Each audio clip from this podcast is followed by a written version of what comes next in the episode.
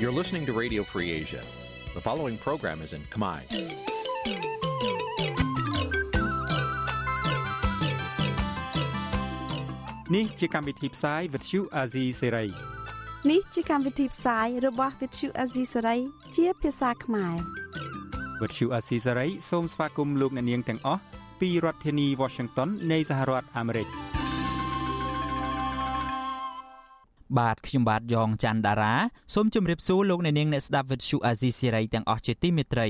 ខ្ញុំបាទសូមជូនកម្មវិធីផ្សាយសម្រាប់ព្រឹកថ្ងៃពុធ12រោចខែចេឆ្នាំខាលចត្វាស័កពុទ្ធសករាជ2566ត្រូវនឹងថ្ងៃទី24ខែសីហា គ្រិស្តសករាជ2022បាទជាដំបូងនេះសូមអញ្ជើញអស់លោកអ្នកនាងស្ដាប់ព័ត៌មានប្រចាំថ្ងៃដែលមានមេត្តាដូចតទៅ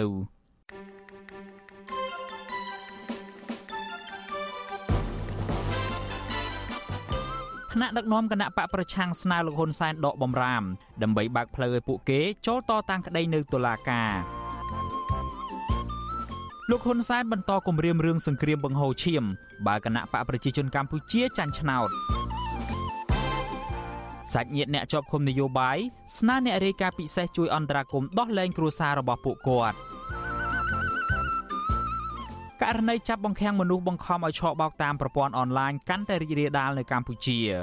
រួមនឹងព័ត៌មានសំខាន់សំខាន់មួយចំនួនទៀត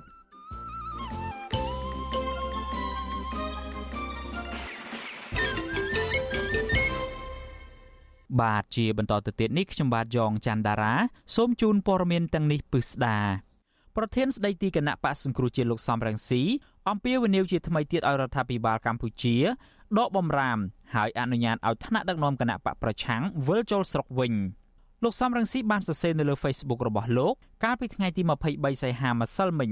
ដោយអំពាវនាវឲ្យរដ្ឋាភិបាលលោកហ៊ុនសែនដកបំរាម3ចំណុចដើម្បីបើកផ្លូវឲ្យលោកវិលចូលស្រុកដើម្បីអាចតតាំងរឿងក្តីនៅតុលាការបានទីមួយលោកសំរងស៊ីសុំឲ្យលោកហ៊ុនសែនដកបំរាមក្រុមហ៊ុនអាកាសចរនានាដើម្បីឲ្យលោកអាចមានលទ្ធភាពទៅកម្ពុជាវិញបាន ទី2សូមឲ្យដកបំរាមពីរដ្ឋាភិបាលថៃដែលហាមមិនឲ្យលោកចោះចតនៅលើទឹកដីថៃដើម្បីអាចវិលទៅកម្ពុជាវិញតាមផ្លូវគោកតាមព្រំដែនប្រទេសថៃនិងទី3សូមឲ្យបើកឲ្យពលរដ្ឋមកទទួលស្វាគមន៍លោកនៅពេលលោកចូលទៅដល់ប្រទេសកម្ពុជាវិញ។សំណើរបស់លោកសំរងស៊ីនេះគឺនៅក្រៅពេលព្រះរាជអាជ្ញារងអមសាលាដំបងរាជធានីភ្នំពេញគឺលោកសេងហៀងបានចេញដីកាបញ្ជូនសំណុំរឿងទៅជំនុំជម្រះ កាលពីថ្ងៃទី19ខែសីហាឆ្នាំ2022ដែលសមត្ថកិច្ចយកទៅបិទនៅការិយាល័យគណៈបកសង្គ្រោះជាតិនៅរាជធានីភ្នំពេញកាលពីថ្ងៃទី22សីហាដីកាបញ្ជូនសំណុំរឿងទៅជំនុំជម្រះនេះគឺបង្គាប់ឲ្យមនុស្សចំនួន34នាក់រួមទាំងអ្នកស្រីមូសុខហួរលោកសំរងស៊ីនិងថ្នាក់ដឹកនាំគណៈបកសង្គ្រោះជាតិផ្សេងទៀតឲ្យចូលរួមសវនាការនៅថ្ងៃទី15ខែកញ្ញាខាងមុខដែលនឹងប្រព្រឹត្តទៅនៅពេលព្រឹកនៅសាលាដំបងរាជធានីភ្នំពេញ សំណុំរឿងចោតប្រកាន់មនុស្សទាំង34នាក់ពីបទក្បត់ជាតិនេះគឺភ្ជាប់ទៅនឹងសកម្មភាពរបស់អ្នកស្រីមូសុខហួរអំពីផែនការធ្វើមាតុភូមិនិវត្តមិនបានសម្រេចកាលពីឆ្នាំ2020ដែលអ្នកស្រីមូសុខួរចង់ទៅតតាំងរឿងក្តីនៅតុលាការនៅក្នុងសំណុំរឿងក្បត់ជាតិដូចគ្នាដែលតុលាការបានបើកសវនាការជំនុំជម្រះកាលពីឆ្នាំ2020អ្នកស្រីមូសុខួរឲ្យវិទ្យុអាស៊ីសេរីដឹងថា អ្នកស្រីនឹងថ្នាក់ដឹកនាំគណៈបកសង្គ្រោះជាតិដទៃទៀតមានបំណងទៅចូលរួមសវនាការកាលពីឆ្នាំ2020ក៏ប៉ុន្តែអាជ្ញាធរកម្ពុជានិងតុលាការមិនបានបើកផ្លូវឲ្យថ្នាក់ដឹកនាំគណៈបកសង្គ្រោះជាតិបានចូលទៅប្រទេសកម្ពុជាវិញឡើយគោលបំណងនៃខ្ញុំដែលចង់ត្រឡប់ខិតខំត្រឡប់ទៅវិញនៅថ្ងៃនៅឆ្នាំ2020នេះគឺដើម្បីទៅប្រឈមមុខនៅតុលាការដែលចោទប្រកាន់យើងខ្ញុំថាជាជនក្បត់ជាតិបើសិនជាកាត់ទោសយើងខ្ញុំដោយអត់មានវត្តមានយើងខ្ញុំ ហើយមកថាយើងខ្ញុំជាជនក្បត់ជាតិនេះជាតុលាការលបឡែជាតុលាការនយោបាយជាតុលាការកុម្មុយនីសសុទ្ធសាធយើងខ្ញុំបានជម្រាបទៅមេធាវីហើយមេធាវីយើងខ្ញុំបានខិតខំអស់ពីសមត្ថភាពហើយសូមឲ្យតុលាការដាក់បញ្ជាទៅឲ្យក្រសួងមហាផ្ទៃឲ្យយើងអាចត្រឡប់ទៅផ្ទះ ទៅប្រទេសកម្ពុជាវិញប្រឈមមុខនឹងតុលាការយើងខ្ញុំចាំរៀងរាល់ពេលឥឡូវសូមឲ្យតុលាការដាក់បញ្ជាទៅមហាផ្ទៃឲ្យមហាផ្ទៃបញ្ជាឲ្យគ្រប់ច្រកលហកឲ្យយើងអាចចូលត្រឡប់ទៅប្រទេសយើងវិញចោះអានឹងយើងខ្ញុំឡើងទៅយន្តហោះនៅថ្ងៃណាក៏បានដែរវិទ្យុអាស៊ីសេរីមិនទាន់អាចតាក់ទងព្រះរាជអាជ្ញារងអមសាលាដំបងរាជធានីភ្នំពេញលោកសេងហៀងដើម្បីសំសួរអំពីបញ្ហានេះបាននៅឡើយទេ កាលពីយប់ថ្ងៃទី23សីហា ថ្នាក់ដឹកនាំគណៈបកសង្គ្រោះជាតិត្រូវបានតុលាការផ្ដន្ទាទោសជាច្រើនសំណុំរឿងរួចមកហើយរួមមានបទក្បត់ជាតិញុះញង់បង្កអសន្តិសុខសង្គមនិងរួមគំនិតក្បត់ជាដើមអ្នកស្រីមូសុខហួរបញ្ជាក់ថាតុលាការក្រុងភ្នំពេញបានផ្ដន្ទាទោសអ្នកស្រីក្នុងសំណុំរឿងទាំងនេះឲ្យអ្នកស្រីជាប់ពន្ធនាគារជិត40ឆ្នាំរួចទៅហើយអ្នកស្រីបានហៅតុលាការសពថ្ងៃនេះថាជាតុលាការឡបឡែនយោបាយរបស់លោកនាយរដ្ឋមន្ត្រីហ៊ុនសែនតែប៉ុណ្ណោះ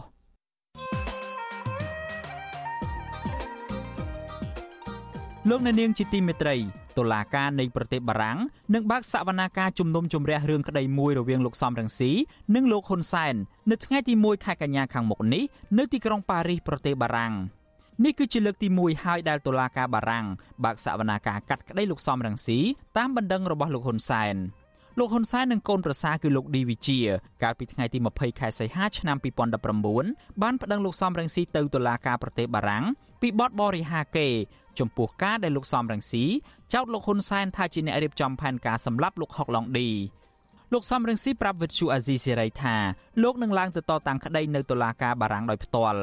រីឯភាគីដើមចោទគឺលោកហ៊ុនសែនឯណោះវិញនឹងតំណាងដោយមេធាវីបារាំង4រូប លោកសំរងស៊ីអះអាងថាការឡើងសវនាការតតាំងក្តីជាមួយលោកហ៊ុនសែននេះគឺជាឱកាសដ៏កម្រមួយសម្រាប់ឲ្យលោកនិងក្រុមមេធាវីរបស់លោកបានលាតត្រដាងប្រាប់តុលាការបារាំងនៅអំពើឧក្រិដ្ឋកម្មនានាដែលលោកសំរងស៊ីចោទថាលោកហ៊ុនសែនគឺជាអ្នកប្រព្រឹត្តក្នុងនោះមានការប៉ុនប៉ងសម្រាប់រូបលោកជាច្រើនលើកច្រើនសារនិងអំពើហិង្សាបង្ហូរឈាមលើរូបលោកដោយផ្ទាល់និងមនុស្សដទៃទៀតផង។ តើលោកសំរងស៊ីដែលជាភិក្ខីចុងចោតនឹងមានភ័ស្តុតាងអ្វីខ្លះតាក់ទងទៅនឹងការស្លាប់របស់លោកហុកឡុងឌីសម្រាប់ឡើងទៅបំភ្លឺនៅតុលាការបារាំង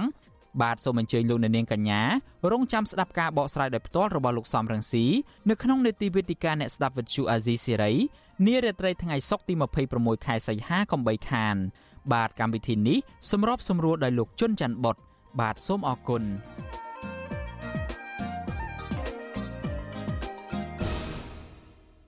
លោកអ្នកនាងកំពុងស្ដាប់ការផ្សាយរបស់ Vuthu Azizi Serai ពីរដ្ឋធានី Washington សហរដ្ឋអាមេរិកសមាជិកព្រឹទ្ធសភាអាមេរិកលើកឡើងថា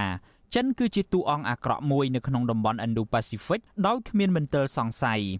សមាជិកព្រឹទ្ធសភាអាមេរិកនិងជាអនុប្រធានគណៈកម្មាធិការកិច្ចការទំនាក់ទំនងបរទេសប្រចាំតំបន់អាស៊ីបូព៌ាប៉ាស៊ីហ្វិកនិងសន្តិសុខអ៊ីនធឺណិតអន្តរជាតិនៃព្រឹទ្ធសភាអាមេរិកលោក Edward McKee ថ្លែងដូចនេះនៅក្នុងសន្និសីទសារព័ត៌មានមួយនៅថ្ងៃទី23ខែសីហាក្រោយពីបិទបញ្ចប់ដំណើរទស្សនកិច្ចរបស់លោកដែលបានដឹកនាំគណៈប្រតិភូព្រឹទ្ធសភានិងរដ្ឋសភាសហរដ្ឋអាមេរិកទៅកាន់តំបន់ Indo-Pacific នៅក្នុងនោះរួមមានកោះតៃវ៉ាន់កម្ពុជា និងប្រទេសហ្វីលីពីនកាលពីពេលថ្មីៗនេះ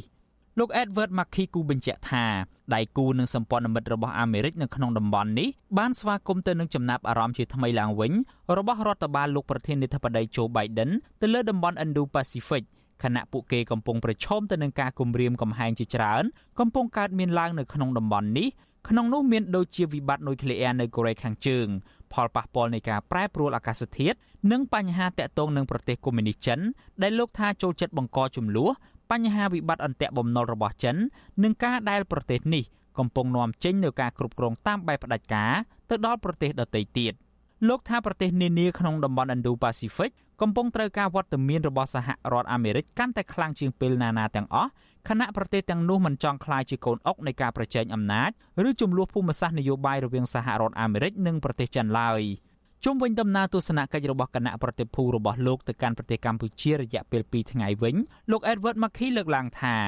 លោកបានជួបជាមួយមេដឹកនាំបកប្រឆាំងលោកកឹមសុខានិងក្រុមមេដឹកនាំសង្គមស៊ីវិលវ័យក្មេងនៅកម្ពុជាមួយចំនួនហើយលោកចាប់អារម្មណ៍ខ្លាំងទៅនឹងស្មារតីតស៊ូនិងភាពរឹងមាំរបស់ប្រជាពលរដ្ឋកម្ពុជា In Cambodia I met with Kem Sokha នៅកម្ពុជាខ្ញុំបានជួបជាមួយលោកកឹមសុខាមេដឹកនាំគណៈបកប្រឆាំង ដែលបានคล้ายជាគោលដៅនៃអំពើយាយីនិងការឃុំខ្លួន ហើយលោកកំពុងតែត្រូវតុលាការកម្ពុជាជំនុំជម្រះកាត់ក្តីម្ដងហើយម្ដងទៀតដោយសារតែការងាររបស់លោក ក្នុងការនាំមកនៅលទ្ធិប្រជាធិបតេយ្យជូនដល់ពលរដ្ឋកម្ពុជាខ្ញុំក៏បានជួបជាមួយនឹងក្រុមមេដឹកនាំសង្គមស៊ីវិលកម្ពុជាវ័យក្មេងដែលពួកគេកំពុងតែបំពេញការងារយ៉ាងក្លាហានដើម្បីការពារសិទ្ធិការងារ សេរីភាពសារព័ត៌មាន សិទ្ធិនយោបាយនិងសិទ្ធិបរិស្ថានខ្ញុំដកអារម្មណ៍ខ្លាំងមែនទែនចំពោះភាពរឹងមាំនៃស្មារតីរបស់ពលរដ្ឋកម្ពុជា ដែលខ្ញុំកត់សម្គាល់ឃើញនៅក្នុងសហគមន៍កម្ពុជានៅទីនេះ នៅតំបន់ Commonwealth គឺភ ieck ច្រើននៅរដ្ឋ Massachusetts នេះតែម្ដង ជាពិសេសសមាជិកភ ieck ច្រើននៃសហគមន៍នេះ បានរត់ភៀសខ្លួនពីអំពើខូខើនៃសង្គ្រាមស៊ីវិលនៅកម្ពុជា មកកសាងជីវិតរបស់ពួកគេ នៅលើទឹកដីសហរដ្ឋអាមេរិកភាពរីកចម្រើនរបស់ពួកគេក៏កំពុងคล้ายទៅជាសសរស្តម្ភសម្រាប់សហគមន៍ទាំងមូលរបស់យើង of our communities. នៅក្នុងដំណើរទស្សនកិច្ចនៅកម្ពុជាកាលពីពេលថ្មីៗនេះសមាជិកព្រឹទ្ធសភាអាមេរិកលោក Edward Markey និងក្រុមសមាជិករដ្ឋសភាចំនួន4រូបទៀតបានទទូចរដ្ឋាភិបាលលោកនាយរដ្ឋមន្ត្រីហ៊ុនសែនដោះលែងអ្នកទោសនយោបាយនៅកម្ពុជាទាំងអស់ នៅក្នុងនោះក៏រួមមានទាំងសកម្មជនសិទ្ធិមនុស្សនិងជាមេធាវីសញ្ជាតិខ្មែរអាមេរិកាំងគឺកញ្ញាសេងធីរីម្នាក់ផងដែរដោយត្រូវធានាថាអ្នកទោសនយោបាយទាំងនោះអាចចូលរួមដោយសេរីនៅក្នុងការបោះឆ្នោតនៅកម្ពុជានាពេលខាងមុខនេះក្រុមសមាជិកព្រឹទ្ធសភានិងរដ្ឋសភាអាមេរិកក៏បានលើកឡើងពីកង្វល់នានាពាក់ព័ន្ធទៅនឹងរឿងរ៉ាវដែលសង្ស័យថាកម្ពុជាលួចអនុញ្ញាតឲ្យកងទ័ពរំដោះប្រជាជនចិនប្រើប្រាស់កំពង់ផែកងទ័ពជើងទឹករៀមផ្ដាច់មុខនោះដែរ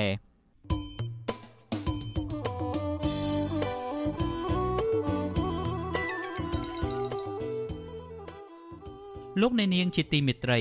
ដំណើរគ្នានឹងស្ដាប់ការផ្សាយវិទ្យុអាស៊ីសេរីតាមបណ្ដាញសង្គម Facebook និង YouTube លោកអ្នកនាងក៏អាចស្ដាប់កម្មវិធីផ្សាយរបស់វិទ្យុអាស៊ីសេរីតាមរលក ធាតុអាកាសខ្លីឬ Shortwave តាមកម្រិតនិងកម្ពស់ដូចតទៅនេះពេលព្រឹកចាប់ពីម៉ោង5កន្លះដល់ម៉ោង6កន្លះតាមរយៈរលក ធាតុអាកាសខ្លី12140 kHz ស្មើនឹងកម្ពស់ 25m និង13715 kHz ស្មើនឹងកម្ពស់ 22m ពេលយប់ចាប់ពីម៉ោង7កន្លះដល់ម៉ោង8កន្លះតាមរយៈរលកធាតុអាកាសខ្លី9960 kHz ស្មើនឹងកម្ពស់ 30m 12140 kHz ស្មើនឹងកម្ពស់ 25m និង11885 kHz ស្មើនឹងកម្ពស់ 25m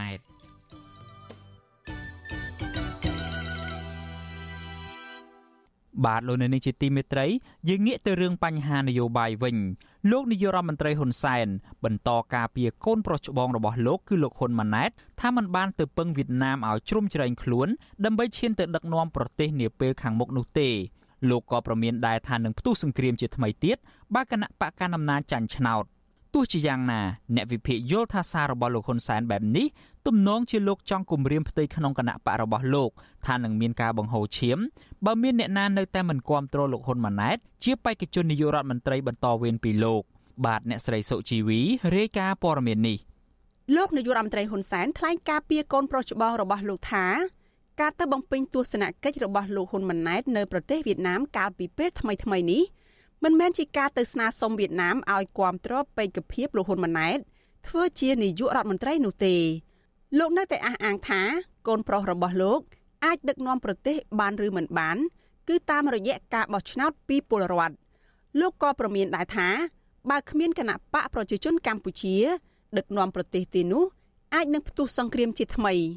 គឺសង្គ្រាមនឹងផ្ទុះខ្ញុំហ៊ាននិយាយចឹងមូលហេតុអីមានកត្តាពីរសំខាន់កត្តា ប្រើពាក្យត្រៀមខ្លួនរឹបអស់ពីអ្នកមានឲ្យអ្នកក្រអញ្ចឹងសង្គ្រាមផ្ទៃក្នុងវាផ្ទុះដែលម៉ែអាណាឲ្យរឹបទី2ត្រៀមវាយយកទឹកដីដែលបានបាត់បង់អញ្ចឹងសង្គ្រាមនៅកម្ពុជាជាមួយនឹងវៀតណាមឬជាមួយថៃជារួមរួចទោះជាយ៉ាងណាគណៈលោកហ៊ុនសែនព្យាយាមការពារទាយាទរបស់លោកបែបនេះលោកក៏បង្ហាញសារកម្ររបស់លោកផ្ដាំទៅកូនប្រុសរបស់លោកថា បើលោកហ៊ុនម៉ាណែតមិនដើរតាមគន្លងរបស់លោកទេនឹងត្រូវគណៈបកប្រជាជនកម្ពុជាទាត់ចេញពីមុខតំណែង។បើធ្វើខុសពីឪមានន័យថាខុសពីគោលការណ៍គណៈបកអញ្ចឹងគឺមានតែបដិញហ៊ុនម៉ាណែតចេញពីគណៈបកតែប៉ុណ្ណឹងឥឡូវតែខុសពីឪពុកខុសពីឪពុកឪពុកមិនព្រមឥឡូវគណៈបកប្រជាជនគេអនុម័តឲ្យធ្វើហើយបើឯងធ្វើខុស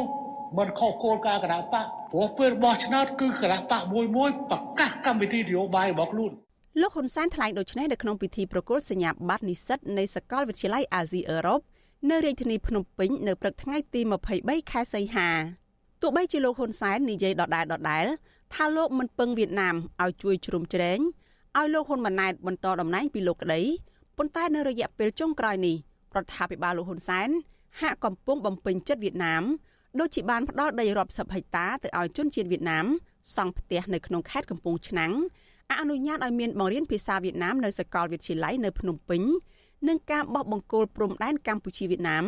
ដែលគេមើលឃើញថាវៀតណាម បានទទួលផលចំណេញពីកម្ពុជាលើការបោះបង្គោលនេះឆ្លើយតបនឹងការលើកឡើងរបស់លោកហ៊ុនសែននេះអនុប្រធានគណៈបកសង្គ្រោះជាតិលោកអេងចៃអៀងបញ្ជាក់ថាសម្ដីរបស់លោកហ៊ុនសែនបង្ហាញពីនយោបាយប្រជាពិធដ្ឋដែលមិនមែនជាការពិតឆ្លុះបញ្ចាំងពីគោលនយោបាយរបស់គណៈបកសង្គ្រោះជាតិឬក៏គណៈបកប្រឆាំងឡើយ លោកថាគណៈបកប្រឆាំងប្រកាន់យកគោលការណ៍នីតិរដ្ឋនិងអធិបតេយ្យជាតិជាធំបើជាមួយនឹងប្រទេសជិតខាងយើងក៏នៅមានភារកិច្ចកតបកិច្ចការពារការពារបរណភាពទឹកដីកុំឲ្យបរទេសចេះតែរុញបកគោព្រំដែនមកទេយើងមានការពីប៉ុន្តែយើងគ្មានមហិច្ឆតាគ្មានគំនិតណាទៅវាយប្រទេសចិត្តខាងដើម្បីយកដីទេយើងត្រូវតែការពារដីខ្មែរដែលសល់ប៉ុន្តែយើងអត់មានតែខុបខិតជាមួយបរទេសធ្វើព្រំដែនបោះបកគោលឲ្យរំលោភបំពាន មកលើទឹកដីខ្មែរទេគឺបកគោលព្រំដែនណាដែលបោះចូលទឹកដីខ្មែរនឹងយើងមានសិទ្ធិក្នុងការពិនិត្យពិនិត្យសាររើឡើងវិញព្រោះយើងមានកិច្ចព្រមព្រៀងសន្តិភាពទីក្រុងប៉ារីសដែលចែងអំពីអធិបតេយ្យភាពនិងបូរណភាពរបស់ខ្មែរបាទហ្នឹងគឺនយោបាយរបស់យើងមានតែប៉ុណ្្នឹងដោយឡែកសម្រាប់រឿងរ៉ាវដោយបញ្ហាដែលមានការរំលោភដីធ្លីការកាប់ដី ប្លន់ឆក់ប្លន់ដីរាសយកទៅជួទៅឲ្យពួកជនខិលខូចពុករលួយហ្នឹងយើងនឹងពិនិត្យឡើងវិញយើងពិនិត្យតាមច្បាប់ណាមុនការបោះឆ្នោតថ្នាក់ជាតិឆ្នាំ2023ខាងមុខដោយបានគម្រាមសម្លុតផ្ទៃក្នុងបករបស់លោករហូតដល់មានការបោះឆ្នោតផ្ទៃក្នុងបកសម្រាប់លើកលោកហ៊ុនម៉ាណែតឲ្យធ្វើជាបេក្ខភាពនាយករដ្ឋមន្ត្រីបន្តពីលោកហ៊ុនសែនកាលពីថ្ងៃទី24ខែធ្នូឆ្នាំ2021អ្នកវិភាគនយោបាយលោកកឹមសុខយល់ថាមកដល់ពេលនេះ ទំនងជាផ្ទៃក្នុងបកប្រជាជនកម្ពុជាមិនទាន់មានឯកភាពទាំងស្រុងក្នុងការគ្រប់គ្រងលោកហ៊ុនម៉ាណែតធ្វើជាបេក្ខជននាយករដ្ឋមន្ត្រីនៅឡើយលោកបន្តថាការព្រមមានផ្ទុះសង្គ្រាមជាថ្មីរបស់លោកហ៊ុនសែននេះគឺលោកហ៊ុនសែនព្រមមានបង្ក្រាបលើមន្ត្រីជាន់ខ្ពស់របស់គណៈបកប្រជាជនកម្ពុជារូបណាដែលមិនគ្រប់គ្រងលោកហ៊ុនម៉ាណែត អាចនឹងមានការផ្ទុះសង្គ្រាមហើយសង្គ្រាមនោះយើងដឹងហើយគឺទំនាស់ផ្ទៃក្នុងគណៈបកប្រជាជនកម្ពុជាដែលមានអាវុធភ្ជុំគ្នាក្នុងពេលបច្ចុប្បន្នហ្នឹងវាចាំតែពេលផ្ទុះទេប្រសិនបើនិយាយមិនត្រូវគ្នាណាក្រុមអ្នកខ្លាំមើលព្យាករថាលោកហ៊ុនសែនអាចនឹងផ្ទេរអំណាចទៅកូនប្រុសច្បងរបស់លោកក្រោយការបោះឆ្នោតនៅក្នុងឆ្នាំ2023ខាងមុខតើតើនៅរឿងនេះដែរលោកហ៊ុនសែនទើបតែបញ្ជាឲ្យកែរដ្ឋធម្មនុញ្ញលើកទី10កាលពីពេលថ្មីថ្មីនេះ ដែលអនុញ្ញាតឲ្យលោកឬក៏គណៈបកកណ្ដាលអំណាចស្នើតែងតាំងបេក្ខជននាយករដ្ឋមន្ត្រីទៅព្រះមហាក្សត្រដោយមិនចាំបាច់ឆ្លងកាត់ការព្រមព្រៀងពីក្បាលម៉ាស៊ីនរដ្ឋសភានាងខ្ញុំសុជីវីវិទ្យុអាស៊ីសេរីពីរដ្ឋធានី Washington បាទលោកនាងជាទីមេត្រីជុំវិញរឿងសិទ្ធិមនុស្សវិញអ្នករាយការណ៍ពិសេសអង្គការសហប្រជាជាតិទទួលបន្ទុកសិទ្ធិមនុស្សនៅកម្ពុជាលោកវិទិតមុនតាបនកាលពីថ្ងៃទី23សីហាម្សិលមិញបានចូលទៅជួបអ្នកជាប់ឃុំនយោបាយនៅពន្ធនាគារព្រៃសរ ក្រុមគ្រួសារអ្នកជាប់ឃុំស្នើឲ្យមន្ត្រីទទួលបន្ទុកផ្នែកសិទ្ធិមនុស្សនៃអង្គការសហប្រជាជាតិរូបនេះពិនិត្យទៅលើករណីជាប់ឃុំនិងដោះលែងឬទម្លាក់ចោលបទចោទទៅលើប្តីរបស់ពួកគាត់ដែលកំពុងជាប់នៅក្នុងពន្ធនាគារទាំងភាពអយុត្តិធម៌បាទលោកទីនសាការីយ៉ារាយការណ៍ព័ត៌មាននេះតំណាងក្រុមស្ត្រីថ្ងៃសុកគឺលោកស្រីព្រំចន្ទថាប្រាប់វិទ្យុអសិរ័យថាប្តីលោកស្រីគឺលោកកកកំភៀបានប្រាប់តាមទូរស័ព្ទមកថា អ្នករាយការណ៍ពិសេសអង្គការសហប្រជាជាតិទទួលបន្ទុកផ្នែកសិទ្ធិមនុស្សប្រចាំនៅកម្ពុជាគឺលោកវិទិតមុនតាបនបានចូលទៅសួរសុខទុក្ខអ្នកជាប់ឃុំនយោបាយប្រហែលជា4ទៅ5នាក់នៅពន្ធនាគារព្រៃសរនៅព្រឹកថ្ងៃទី23សីហាលោកស្រីស្នើឲ្យអ្នករាយការណ៍ពិសេសរូបនេះជួយអន្តរាគមន៍ដោះលែងប្តីលោកស្រីគឺលោកកកកំភៀនិងអ្នកជាប់ឃុំដទៃទៀតដែលកំពុងតែរងភាពអយុត្តិធម៌ ខ្ញុំមានឱកាសស្នើឲ្យអ្នករាយការណ៍ពិសេសលោកវុទ្ធបរសូមឲ្យលោកជួយជួយមានអន្តរាគមន៍ដើម្បីឲ្យមានការដោះលែងក្រុមគូសាររបស់ខ្ញុំក្នុងពេលឆាប់ឆាប់នេះមុនពេលបោះឆ្នោតនឹងធ្វើឲ្យគាត់មានការបោះឆ្នោតនឹងបានបោះឆ្នោតជាមួយនឹងគេដែលធ្វើរស់រឿងធ្វើនយោបាយពួកគាត់ជាមន្ត្រីបកនយោបាយអញ្ចឹងណាចំណែកប្រពន្ធមន្ត្រីបកប្រឆាំងម្នាក់ទៀតដែលកំពុងជាប់ឃុំគឺលោកស្រីកុលសាទឲ្យដឹងថាតាមការផ្ដល់ដំណឹងពីប្តីលោកស្រីក្នុងពុទ្ធនេគាលោកវិទិតមុនតបនបានសួរសុខទុក្ខអ្នកជាប់ឃុំនៅទីនោះ ចំណែកឯប្តីលោកស្រីគឺលោកកុងម៉ាស់បានស្នើសុំទៅកាន់អ្នករាយការណ៍ពិសេសរូបនេះឲ្យជួយអន្តរាគមន៍ដល់លែងអ្នកកំពុងជាប់ឃុំនិងឲ្យជួយតាមដានអ្នកជាប់ឃុំនយោបាយផ្សេងទៀតដែលត្រូវបានមន្ត្រីពន្ធនាគារបានផ្លាស់ប្ដូរពន្ធនាគារគឺយកទៅដាក់ឃុំឃាំងនៅពន្ធនាគារត្រពាំង plong នៅក្នុងខេត្តត្បូងឃ្មុំកាលពីថ្ងៃទី21សីហា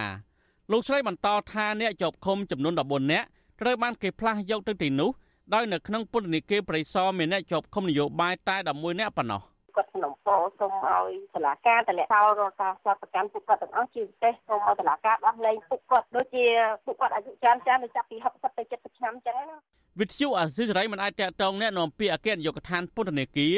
លោកនុតសាវណ្ណាដើម្បីសួរអំពីបញ្ហានេះបានទេនៅថ្ងៃទី23សីហាជុំវិញនឹងរឿងនេះប្រធានសមាគមការពារសិទ្ធិមនុស្សអាត់ហុកលោកនីសុខាយល់ឃើញថាបេសកកម្មរបស់នាយិកាពិសេសអង្គការសហប្រជាជាតិ គួរតែពិនិត្យនិងធ្វើការដោយយកចិត្តទុកដាក់ជាពិសេសទៅលើអ្នកជាប់ឃុំអ្នកទោសនយោបាយនៅពន្ធនាគារដោយអយុត្តិធម៌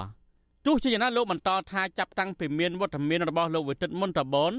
លោកហាក់មិនឃើញមានការវិវត្តណាមួយគួរឲ្យកត់សម្គាល់ក្នុងការដោះស្រាយឲ្យចេញជាលទ្ធផលនោះទេលោកបន្ថែមថារាល់បញ្ហាទាំងនោះគឺមានតែរដ្ឋាភិបាលកម្ពុជាតែមួយប៉ុណ្ណោះដែលមានសិទ្ធិសម្រេចថាដោះស្រាយបញ្ហាអ្នកជាប់ឃុំឬទុកបែបនេះតទៅទៀត រឿងដែលសំខាន់មែនទែននោះគឺថាវាអ្វីអ្វីវានៅលើឆន្ទៈរបស់រដ្ឋាភិបាលកម្ពុជា ដែលតើរដ្ឋាភិបាលកម្ពុជានឹងធ្វើការដោះស្រាយបញ្ហានៃចំនួននយោបាយនៃការជាប់គាំងខាងនយោបាយនេះយ៉ាងដូចម្ដេចទៅនៅពេលខាងមុខអគ្គនាយកពន្ធនាគារបានផ្ទេរសកម្មជនគណបកសង្គ្រោះជាតិចំនួន14នាក់ពីមណ្ឌលកែប្រែប្រៃសរក្រុងភ្នំពេញទៅដាក់នៅពន្ធនាគារត្រពាំង plong ខេត្តត្បូងឃ្មុំកាលពីថ្ងៃទី21សីហាបច្ចុប្បន្ន មានសកម្មជនគណបកប្រឆាំងនិងអ្នកបញ្ចេញមតិរិះគន់រដ្ឋាភិបាលប្រមាណជា60នាក់ទៀតកំពុងជាប់ឃុំនៅក្នុងពន្ធនាគារពួកគេត្រូវបានតុលាការចាប់ប្រកាន់ពីបទប្រហាក់ប្រហែលគ្នាគឺបទញុះញង់និងបទរួមគំនិតក្បត់ក្នុងនោះមានសកម្មជនមួយចំនួនត្រូវបានតុលាការកាត់ក្តីដាក់ពន្ធនាគារពី5ឆ្នាំទៅ7ឆ្នាំខ្ញុំទីនសាការីយ៉ាអស៊ីសេរីប្រធានីវ៉ាស៊ីនតោនបាទលោកនាងជាទីមេត្រីពាក់ព័ន្ធទៅនឹងវិវាទការងារនៅឯក្រុមហ៊ុន Casino Naga World វិញ ក្រុមកោតក្រ Naga World កាលពីរសៀលថ្ងៃទី23សីហាម្សិលមិញបន្តធ្វើកោតកម្មទាមទារឲ្យថៅកែក្រុមហ៊ុនដោះស្រាយវិវាទការងារជាមួយពួកគាត់ក្រុមកោតក្រយល់ថាមូលហេតុដែលក្រុមហ៊ុនមិនអាចដោះស្រាយវិវាទការងារនេះគឺដោយសាររដ្ឋាភិបាលឈរខាងភាគីក្រុមហ៊ុនដោយមិនខ្វល់អំពីការអនុវត្តច្បាប់និងទុកលំបាករបស់ពួកគាត់ឡើយមន្ត្រីអង្គការសង្គមស៊ីវិលទទូចដល់អាជ្ញាធរពាក់ព័ន្ធដោះស្រាយវិវាទការងារមួយនេះជូនដល់កោតក្រឲ្យបានឆាប់ ដើម្បីស្ដារមុខមាត់រដ្ឋាភិបាលលើឆាកអន្តរជាតិបាទអ្នកស្រីម៉ៅសុធីនីរាយការណ៍ព័ត៌មាននេះក្រុមគឧតកោ Nagavel ជិត100នាក់នៅល្ងាចថ្ងៃទី23ខែសីហា បានប្រមូលផ្ដុំគ្នាធ្វើកុតកម្មអហិង្សាតវ៉ានិងមានឱកាសឈរស្រែកតវ៉ានៅខាងមុខក្រុមហ៊ុន បាន5ថ្ងៃហើយក៏ប៉ុន្តែក្រុមហ៊ុននៅតែគ្មានផ្ដល់ដំណោះស្រាយគឧតកោទៀមទាឲ្យថកែក្រុមហ៊ុន Nagavel គ្រប់សិទ្ធិការងារនិងទទួលយកកម្មករនយោជិត ដែលខ្លួនបានបញ្ឈប់កន្លងទៅជាង300នាក់ដែលសប្តាហ៍ថ្ងៃនៅសល់តែជាង100នាក់នោះរួមទាំងថ្នាក់ដឹកនាំសហជីពផង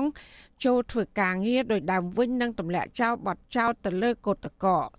ឧតកោនាការវើកញ្ញារឿនមុំម៉ារណែតប្រាប់បច្ចុប្បន្នស៊ីស្រីនៅថ្ងៃទី23ខែសីហាថាកញ្ញាសង្កេតឃើញ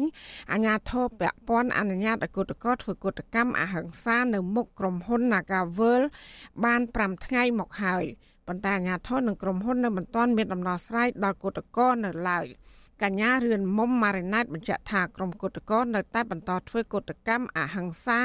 រហូតដល់មានដំណោះស្រាយ។ គិតថាមួយរយៈហ្នឹងឃើញថាពួកយើងអាចទៅដល់មុខ Nagawan ក៏ដូចជា Nagatu បានព្រោះកាលពីមុនមានការរៀបរៀងខ្លាំងតែមួយរយៈក្រោយនេះដោយសារតែឃើញអង្គការសង្គមស៊ីវិលក៏ដូចជាខាង UN ចុះមកចុះអីអញ្ចឹងណាខ្ញុំឃើញថាពុំមានការវាយដំក៏ដូចជាការរៀបរៀងពីអាជ្ញាធរដូចកាលពីមហឹកមុនទេខ្ញុំក៏អត់ដឹងថាពួកគាត់កំពុងតែគិតអីដែរខ្ញុំគ្រាន់តែដឹងថាបើសិនជាពួកខ្ញុំអាចរហូតទៅដល់មុខ N1 N2 បាននេះគឺជាការអាចប្រើប្រាស់សិទ្ធិនៃការធ្វើកោតកម្មដែលចែងនៅក្នុងមេត្រាច្បាប់បាន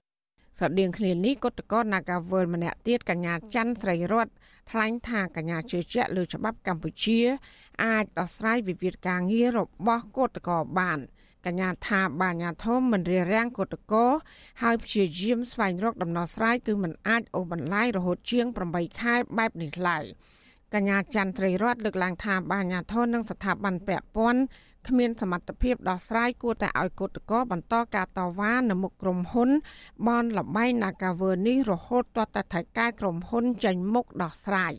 ខ្ញុំគិតថាដំណោះស្រាយខ្ញុំអត់ជឿថាវាមិនមានសម្រាប់ពួកខ្ញុំដែលជាគុតកោតែកន្លងមកគឺមកពីខាងអាជ្ញាធរដូចជាស្ថាប័នពាក់ព័ន្ធគាត់មិនព្យាយាមដោះស្រាយឲ្យពួកខ្ញុំបែរជាព្យាយាមទៅកាងឲ្យតកែបរទេសហ្នឹងហើយដល់អញ្ចឹងដំណោះស្រាយវាអត់ទាន់ឃើញជាផ្លែផ្កាអាជ្ញាធរក៏តែពីរីរាំងហើយក្រសួងការងារក៏តែពីកាត់ដីឲ្យតែខាងតកែបរទេសហ្នឹងបានវាអូសបន្លាយដល់សពថ្ងៃ សហជីពប្រចាំក្រុមហ៊ុន Nagawer នៅកោតកោមើលឃើញថាអរិយាប័ត្ររបស់អាជ្ញាធររាជធានីភ្នំពេញផ្លាស់ប្តូរភ្លាមភ្លាមបែបនេះ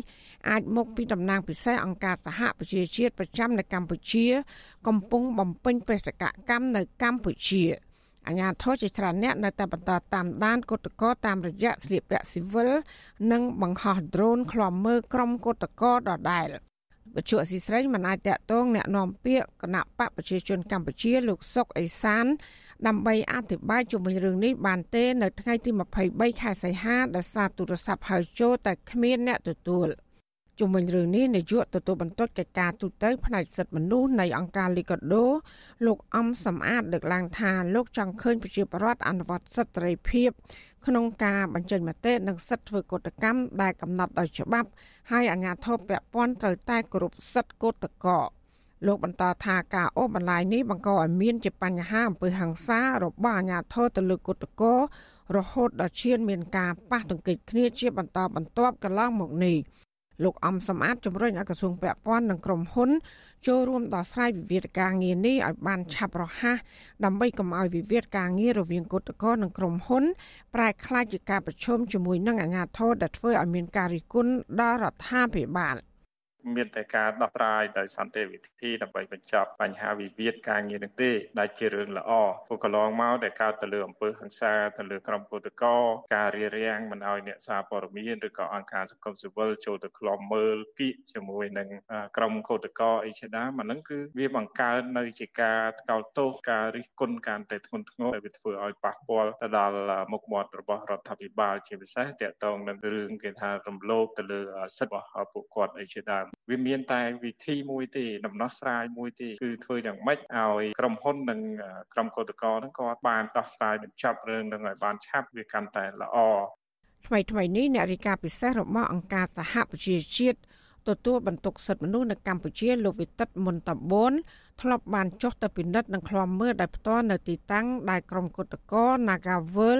ហើយភ ieck ច្រើនជាស្ត្រីបន្តប្រមូលផ្ដុំគ្នាតវ៉ានៅមុខអាគារក្រុមហ៊ុន Nagavel ទី1ក៏ប៉ុន្តែគ្មានការបង្ក្រាបដ៏ហិង្សាដោយពេលមុនមុនឡើយពីអាជ្ញាធរក្រុងភ្នំពេញ។ គិតមកដល់ខែសីហានេះក្រុមគុតកោបានធ្វើគុតកម្មអស់រយៈពេលជាង8ខែមកហើយហើយនៅតែគ្មានដំណោះស្រាយសមរម្យនៅឡើយកន្លងមកក្រុមអាជ្ញាធរតែងតែប្រាំពើហ ংস ាធ្វើទុកបុកម្នេញជាប្រចាំដោយចាប់រុញគុតកោឡើងរថយន្តក្រុងដឹកទៅទម្លាក់ចោលនៅតំបន់ជីកក្រុងភ្នំពេញជាដើម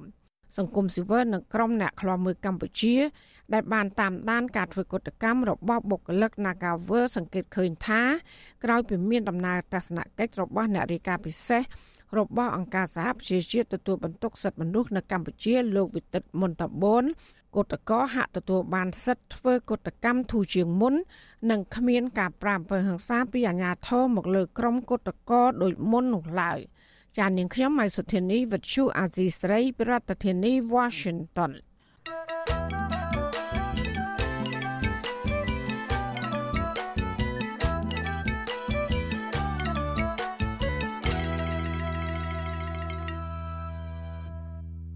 បាទលោកនៅនាងជាទីមេត្រីពាក់ព័ន្ធទៅនឹងបញ្ហាគ្រោះធម្មជាតិវិញ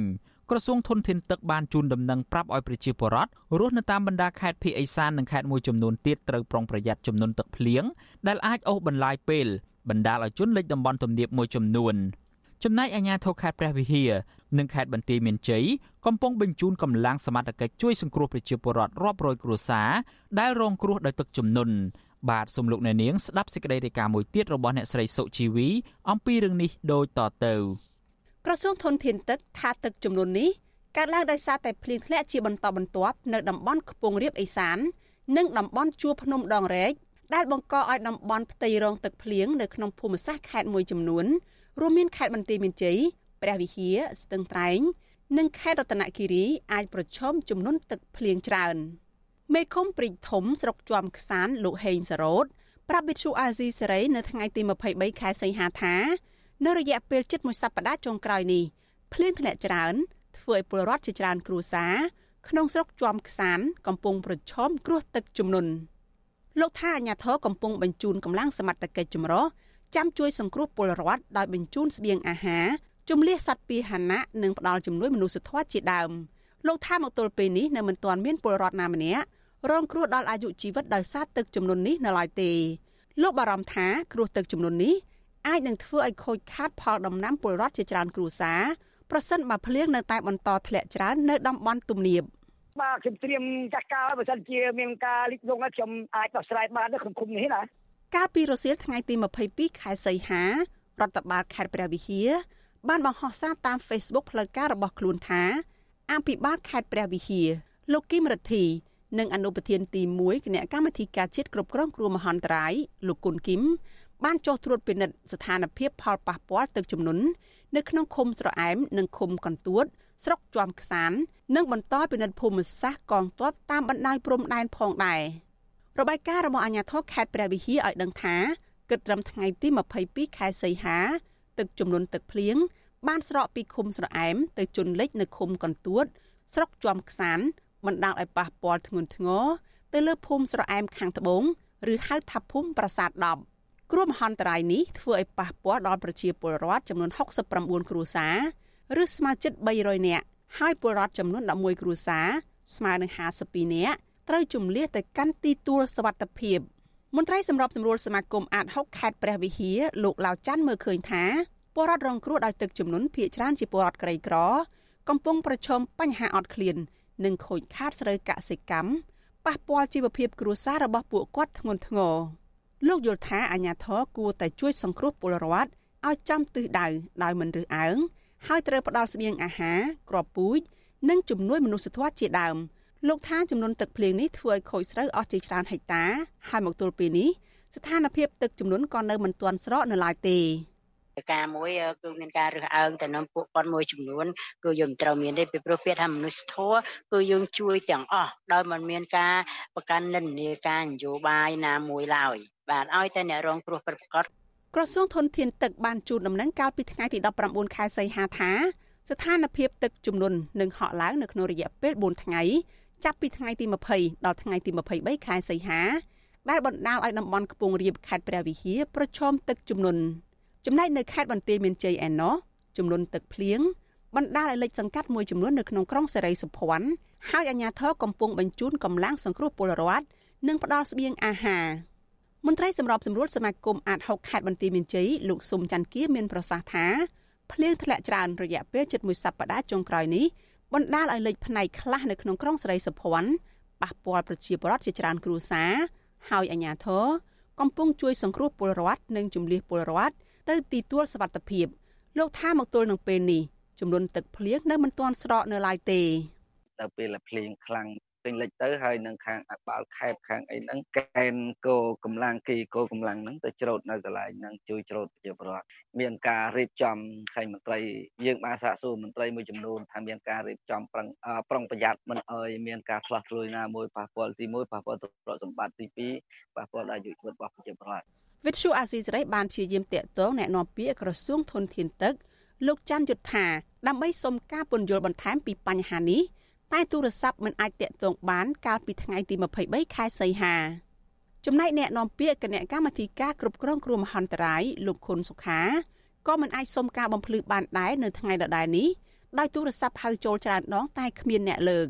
មកដល់ពេលនេះអាជ្ញាធរខេត្តបន្ទាយមានជ័យមិនទាន់បង្ហាញរបាយការណ៍ពីផលប៉ះពាល់នានាដោយគ្រោះទឹកចំនួននៅឡើយទេរីឯក្រសួងធនធានទឹកអំពាវនាវឲ្យពលរដ្ឋ រស់នៅតំបន់វាលទំនាបកណ្ដាលតំបន់ជួរភ្នំដងរែកនិងខ្ពង់រាបភាគឦសានប្រុងប្រយ័ត្នខ្ពស់ដោយសារតែការប្រែប្រួលអាកាសធាតុបូករួមនឹងជ្រលងសម្ពាធទាបនៅឥណ្ឌានិងប្រព័ន្ធសម្ពាធទាបនៅភាគខាងជើងកម្ពុជាឡាវនិងវៀតណាមគួបផ្សំនឹងលបឿនខ្យល់មូសុងនិរដីនាំឲ្យមានភ្លៀងធ្លាក់រាយប៉ាយចូលទៅក្នុងអាងទន្លេមេគង្គដែលអាចធ្វើឲ្យទឹកទន្លេហក់ឡើងខ្ពស់សាជាថ្មីនាងខ្ញុំសុជីវីវិទ្យុអាស៊ីសេរី ពីរដ្ឋធានី Washington លោកអ្នកនាងកំពុងស្ដាប់ការផ្សាយរបស់ Vuthu Azizi Serai ពីរដ្ឋធានី Washington សហរដ្ឋអាមេរិកពាក់ព័ន្ធទៅនឹងបញ្ហាសុខភាពវិញក្រសួងពាណិជ្ជកម្មព្រមមានសាធារណជនឲ្យបញ្ឈប់ជាបន្ទាន់នៅការប្រើប្រាស់ផលិតផលម្សៅសម្រាប់ទារកនិងកុមារដែលមានផ្ទុកសារធាតុអាបេស្តូសដែលជាសារធាតុអាចបណ្ដាលឲ្យកើតជំងឺមហារីកការព្រមាននេះធ្វើឡើងបន្ទាប់ពីអគ្គនាយកដ្ឋានការពារអ្នកប្រើប្រាស់ កិច្ចការប្រកួតប្រជែងនិងបង្ក្រាបការក្លែងបន្លំហៅកាត់ថាកបបនៃក្រសួងពាណិជ្ជកម្មបានយកសំណាក់គំរូនិងធ្វើតេស្តវិភាគទៅលើផលិតផលម្សៅលាបសម្រាប់ទារកនិងកុមារឈ្មោះ Baby Talcum Powder មួយចំនួនដើម្បីពិនិត្យរកសារធាតុ asbestos ដែលជាសារធាតុបង្កគ្រោះថ្នាក់ដល់សុខភាពអ្នកប្រើប្រាស់សេចក្តីជូនដំណឹងរបស់កបបកាលពីថ្ងៃទី23សីហាម្សិលមិញបានដាក់ចេញនូវវិធានការចាំបាច់មួយចំនួនរួមមាន ក្រុមហ៊ុននាំចូលនិងចែកចាយផលិតផលម្សៅលាបសម្រាប់ទារកនិងកុមារត្រូវផ្អាកជាបណ្ដោះអាសន្ននិងប្រមូលផលិតផលទាំងនោះពីទីផ្សារបន្ថែមពីលើនេះត្រូវសហការជាមួយអគ្គនាយកដ្ឋានកបបរយៈពេល2សប្តាហ៍គឺចាប់ពីពេលនេះរហូតដល់ថ្ងៃទី5ខែកញ្ញាខាងមុខដើម្បីនាំយកសំណាក់នៃផលិតផល ដែលបានរកឃើញមានសារធាតុ asbestos ទៅវិភាគនៅមន្ទីរពិសោធន៍ភាគីទី3ដែលមានការទទួលស្គាល់ជាលក្ខណៈអន្តរជាតិសេចក្តីជូនដំណឹងដដែលបន្តថា ក្រុមហ៊ុនត្រូវសហការជាមួយរោងចក្រផលិត និងសមត្ថកិច្ចកបបដោយឈរទៅលើគោលការណ៍ដំណាភាព និងគ្រប់គ្រងដោយមូលដ្ឋានវិទ្យាសាស្ត្រដើម្បីធានាថារាល់ផលិតផលម្សៅលាបទារកនិងកុមារគ្មានសារធាតុ asbestos ឡើយលើសពីនេះទៅទៀតកបបគូបញ្ជាក់ថាវត្តមាននៃសារធាតុប្រភេទនេះក៏មិនត្រូវអនុញ្ញាតឲ្យមាននៅក្នុងផលិតផលគ្រឿងសម្អាងដែរពីព្រោះវាបង្កគ្រោះថ្នាក់ខ្លាំងដល់សុខភាពមនុស្សជាពិសេសបណ្ដាលឲ្យកើតជំងឺមហារីក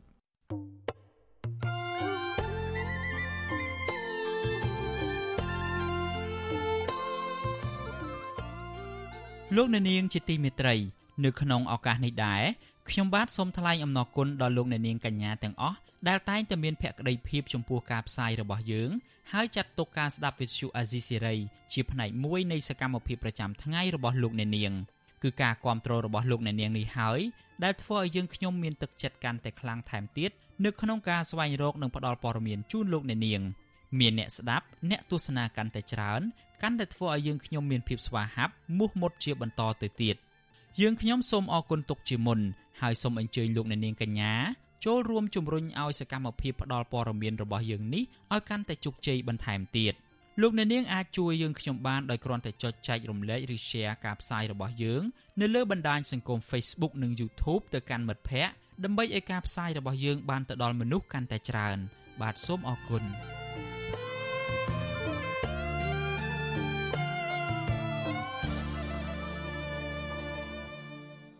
បាទលោកនាងជាទីមេត្រីពាក់ព័ន្ធទៅនឹងករណីចាប់បង្ខាំងមនុស្សដោយខុសច្បាប់វិញមន្ត្រីអង្គការសង្គមស៊ីវិលលើកឡើងថាអាញាធរដ្ឋាភិបាលគួរតែបង្ហាញព័ត៌មានប្រកបដោយតម្លាភាពពាក់ព័ន្ធទៅនឹងទីតាំងអាគារសហគ្រាសមួយចំនួនគ្រប់គ្រងដោយជនជាតិចិនដែលសង្ស័យថាមានករណីចាប់បង្ខាំងមនុស្សបង្ខំឲ្យធ្វើការខុសច្បាប់នៅលើទឹកដីកម្ពុជា ការលើកឡើងនេះធ្វើឡើងបន្ទាប់ពីជនជាតិវៀតណាមជាង40នាក់ថ្មីថ្មីនេះបានសម្រុករត់គេចខ្លួនចេញពីអាគារបនលំបែងកាស៊ីណូមួយកន្លែងនៅជ្រៃធំខេត្តកណ្ដាលហើយហែលឆ្លងព្រែកទៅត្រើយម្ខាងនៃទឹកដីវៀតណាមរបស់ខ្លួនវិញជនជាតិវៀតណាមទាំងនោះថាមូលហេតុដែលនាំឲ្យពួកគេរត់គេចខ្លួនចេញពីអាគារបនលបែងកាស៊ីណូនេះគឺដោយសារមានថៅកែជនជាតិចិនបានចាប់ឃុំឃាំងពួកគេបង្ខំឲ្យធ្វើទាសករឆបោកតាមប្រព័ន្ធអ៊ីនធឺណិត បាទសូមលោកអ្នកនាងស្ដាប់សេចក្តីរាយការណ៍នេះរបស់លោកសេកបណ្ឌិតដូចតទៅអំពើជួញដូរមនុស្សឬករណីជនជាតិចិនចាប់បង្ខាំងជនបរទេសបង្ខំឲ្យធ្វើការខុសច្បាប់នៅក្នុងកម្ពុជា ហាក់កំពុងល្បីល្បាញខ្លាំងនៅក្នុងរយៈពេលប្រមាណខែចុងក្រោយនេះជនបរទេសដែលរំដោះខ្លួនចេញពីអាគារគ្រប់គ្រងដោយជនជាតិចិនភៀសច្រើនពួកគេសុទ្ធតែអះអាងប្រហាក់ប្រហែលគ្នាថា ពួកគេត្រូវបានថៅកែជនជាតិចិនបោកបញ្ឆោតឲ្យធ្វើការងារខុសច្បាប់តាមរយៈការលបួងបញ្ចុះបញ្ចូលឃោសនាការងារដែលទទួលបានប្រាក់កម្រៃខ្ពស់មន្ត្រីសង្គមស៊ីវិលលើកឡើងថាអាញាធររដ្ឋាភិបាលគួរតែមានការស៊ើបអង្កេតដោយឯករាជ្យលើករណីជនបរទេសមកធ្វើការងារនៅកម្ពុជា ជាពិសេសអាគារសហគ្រាសឬបនលបែងកាស៊ីណូដែលគ្រប់គ្រងដោយជនជាតិចិន ដែលមានគេសង្ស័យថា មានករណីចាប់បង្ខាំងមនុស្សនៅកម្ពុជានាយកទទួលបន្ទុកផ្នែកសិទ្ធិមនុស្សនៃអង្គការលីកាដូលោកអមសំអាតប្រាប់វិទ្យុអាស៊ីសេរីនៅថ្ងៃទី23សីហាថាបើករណីជនបរទេសមួយចំនួនមកធ្វើការងារនៅកម្ពុជាអះអាងថាខ្លួនរងគ្រោះដោយការចាប់បង្ខាំងមនុស្សឲ្យធ្វើការងារខុសច្បាប់ហើយមន្ត្រីអាជ្ញាធរនៅតែគ្មានការស៊ើបអង្កេត និងបកស្រាយឲ្យបានច្បាស់លាស់លើករណីនេះទេ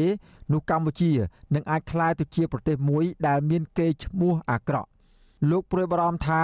បើករណីជនជាតិចិន មានការចាប់បង្ខាំងជនបរទេសឲ្យធ្វើការងារខុសច្បាប់នៅកម្ពុជាពិតមែននោះវានឹងធ្វើឲ្យប៉ះពាល់ដល់មុខមាត់ប្រទេសជាតិនិងគំរាមកំហែងដល់ប្រជាពលរដ្ឋខ្មែរធ្ងន់ធ្ងរ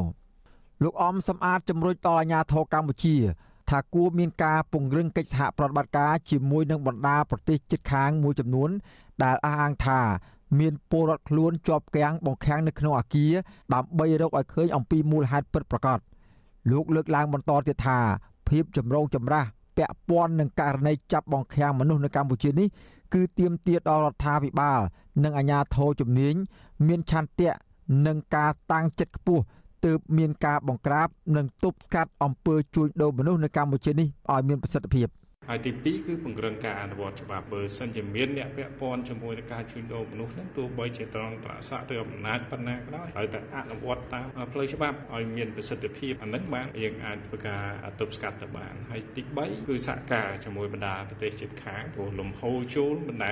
ជនបរទេសចូលមកស្រុកខ្មែរឲ្យខុសច្បាប់ធ្លាក់ពីណាមកទេគឺមានការឆ្លងដែនហើយអញ្ចឹងត្រូវតែមានកិច្ចសហប្រតិបត្តិការជាមួយប្រទេសជិតខាងដើម្បីធ្វើការទប់ស្កាត់ ក្តីបារម្ភរបស់មន្ត្រីសង្គមស៊ីវិលរូបនេះកើតឡើងក្រោយពីដែលមានកំណើនករណីចាប់បង្ខាំងមនុស្សបង្ខំឲ្យធ្វើការខុសច្បាប់ដែលប្រតិបត្តិការដោយក្រុមហ៊ុនចិននៅកម្ពុជា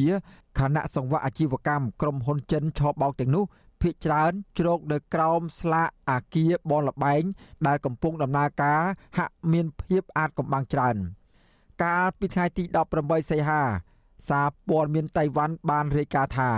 យ៉ាងហោចណាស់ មានពលរដ្ឋតៃវ៉ាន់ជិត400នាក់ត្រូវបានក្រុមជលមើសបោកបញ្ឆោតឲ្យធ្វើការងារឲ្យក្រុមហ៊ុនឆបោកតាមអនឡាញនៅកម្ពុជា តាមរយៈការផ្សព្វផ្សាយពាណិជ្ជកម្មការងារคล้ายៗក្នុងនោះមានពលរដ្ឋតៃវ៉ាន់ជាង100នាក់ត្រូវបានបង្ខាំងទុកនៅក្នុងអាគារបង្ខំឲ្យធ្វើការដោយខុសច្បាប់នៅកម្ពុជាដោយឡែកកាលពីថ្ងៃទី19ខែសីហាទីភ្នាក់ងារសារព័ត៌មានបារាំង AFP បានរាយការណ៍ថា កម្មករកាស៊ីណូជនជាតិវៀតណាមប្រមាណ42នាក់ធ្វើការងារឲ្យកាស៊ីណូមួយឈ្មោះ Golden Phoenix Entertainment ស្ថិតនៅក្នុងឃុំជ្រៃធំស្រុកកោះធំខេត្តកណ្ដាលត្រូវបានគេបង្ខំឲ្យធ្វើការដោយពំបើកប្រាក់ឈ្នួលវីដេអូដែលគេបានផ្សព្វផ្សាយនៅលើបណ្ដាញសង្គមបានបង្ហាញថាកម្មករជនជាតិវៀតណាមទាំងនោះបានរត់ចេញពីអគារក្រុមហ៊ុនចិនដោយទឹកមុខរបស់ពួកគាត់ហាក់មានភាពតក់ស្លុតដោយទឹកមុខរបស់ពួកគាត់ហាក់មានអារម្មណ៍តក់ស្លុតនិងភ័យខ្លាច ជាងនេះទៅទៀតភ្លាមភ្លាមក្នុងពេលដែលជនជាតិវៀតណាមទាំងនោះ បានរត់គេចខ្លួនចេញពីកាស៊ីណូមួយឈ្មោះ Golden Phoenix Entertainment របស់ជនជាតិចិន និងក្រុមសន្តិសុខក៏បានទាញបំពង់ដែកនិងដំបងដេញវាយទៅលើជនជាតិវៀតណាមទាំងនោះបណ្ដាលឲ្យរងរបួសមួយចំនួនទៀតផងជនជាតិវៀតណាមទាំងនោះបានបង្ខំចិត្តសម្រុករត់គេចចេញពីទីតាំងកាស៊ីណូដោយបានលោតចូលក្នុងទឹកស្ថិតនៅក្នុងតំបន់ព្រែកបិនយីហើយហែលឆ្លងទៅត្រើយម្ខាងនៃប្រទេសវៀតណាម។ ក្នុងនោះមានជនជាតិវៀតណាមម្នាក់បានស្លាប់ពេលដែលកំពុងហែលទឹកចាក់ចេញពីកម្ពុជាសម្ដៅទៅស្រុកកំណើតវិញកម្មករជនជាតិវៀតណាមដែលរំដោះខ្លួនចេញពីអាគារក្រុមហ៊ុនចិននៅកម្ពុជា បានអះអាងប្រាប់អាជ្ញាធរនិងប្រព័ន្ធផ្សព្វផ្សាយនៃប្រទេសពួកគេថាពួកគេពិតជាត្រូវបានជនជាតិចិនឃុំឃាំងនៅក្នុងអាគារដែលមានសភាពងងឹតហើយបង្ខំឲ្យធ្វើការងារដោយខុសច្បាប់នៅកម្ពុជា។ តាក់ទងនឹងរឿងរ៉ាវនេះវិទ្យុអាស៊ីសេរីនៅពុំទាន់អាចតាក់ទងស្នងការនគរបាលខេត្តកណ្ដាលលោកឈឿនសុវិចិត្រដើម្បីសុំការបំភ្លឺអំពីបញ្ហានេះបានទេ នៅថ្ងៃទី23ខែសីហាចំណែកអភិបាលខេត្តកណ្ដាលលោកគង់សុភ័ណ្ឌនិងប្រធានអង្គភិបអ្នកណែនាំពាក្យរដ្ឋាភិបាលលោកផៃស៊ីផានក៏ពុំទាន់អាចតាក់ទងសុំការបំភ្លឺអំពីរឿងនេះបានដែរនៅថ្ងៃទី23ខែសីហាដដែលនេះ ប៉ុន្តែអភិបាលរងខេត្តកណ្ដាលលោកគ្រួយម៉ាឡែនបានប្រាប់បទសុសម្លេងប្រជាធិបតេយ្យ VOD ថ្មីថ្មីនេះថាករណីជនជាតិវៀតណាមរត់គេចខ្លួនពីអាគារកាស៊ីណូនៅក្នុងខេត្តកណ្ដាលកន្លងទៅនេះមិនមែនជាករណីចាប់បង្ខាំងមនុស្សឡើយលោកអះអាងថាកម្មករជនជាតិវៀតណាមទាំងនោះក្រុមហ៊ុនក៏បើកប្រាក់ខែឲ្យពួកគេត្រឹមត្រូវជាប្រចាំខែដែរបន្ថែមពីលើនេះទៀតលោកចោទថា ក្រុមកម្មករជនជាតិវៀតណាមដែលរត់គេចខ្លួននោះគឺពួកគេព្យាយាមគេចចេញពីការទទួលខុសត្រូវលើការងាររបស់ខ្លួនពាក់ព័ន្ធនឹងការខ្ចីបំណុលពីក្រុមហ៊ុនចិនយកទៅលេងល្បែងកាលពីថ្ងៃទី18សីហារដ្ឋមន្ត្រីក្រសួងមហាផ្ទៃលោកសខេងបានធ្វើសន្និសីទកាសែតមួយដោយអះអាងថា កម្លាំងនគរបាលធ្វើប្រតិបត្តិការឆែកឆេរការស្នាក់នៅរបស់ជនបរទេសប្រយុទ្ធប្រឆាំងនឹងការជួញដូរមនុស្សក្នុងបេសកកម្មសង្គ្រោះជនរងគ្រោះនិងចាប់មេខ្លោងមកផ្ដន់ទោស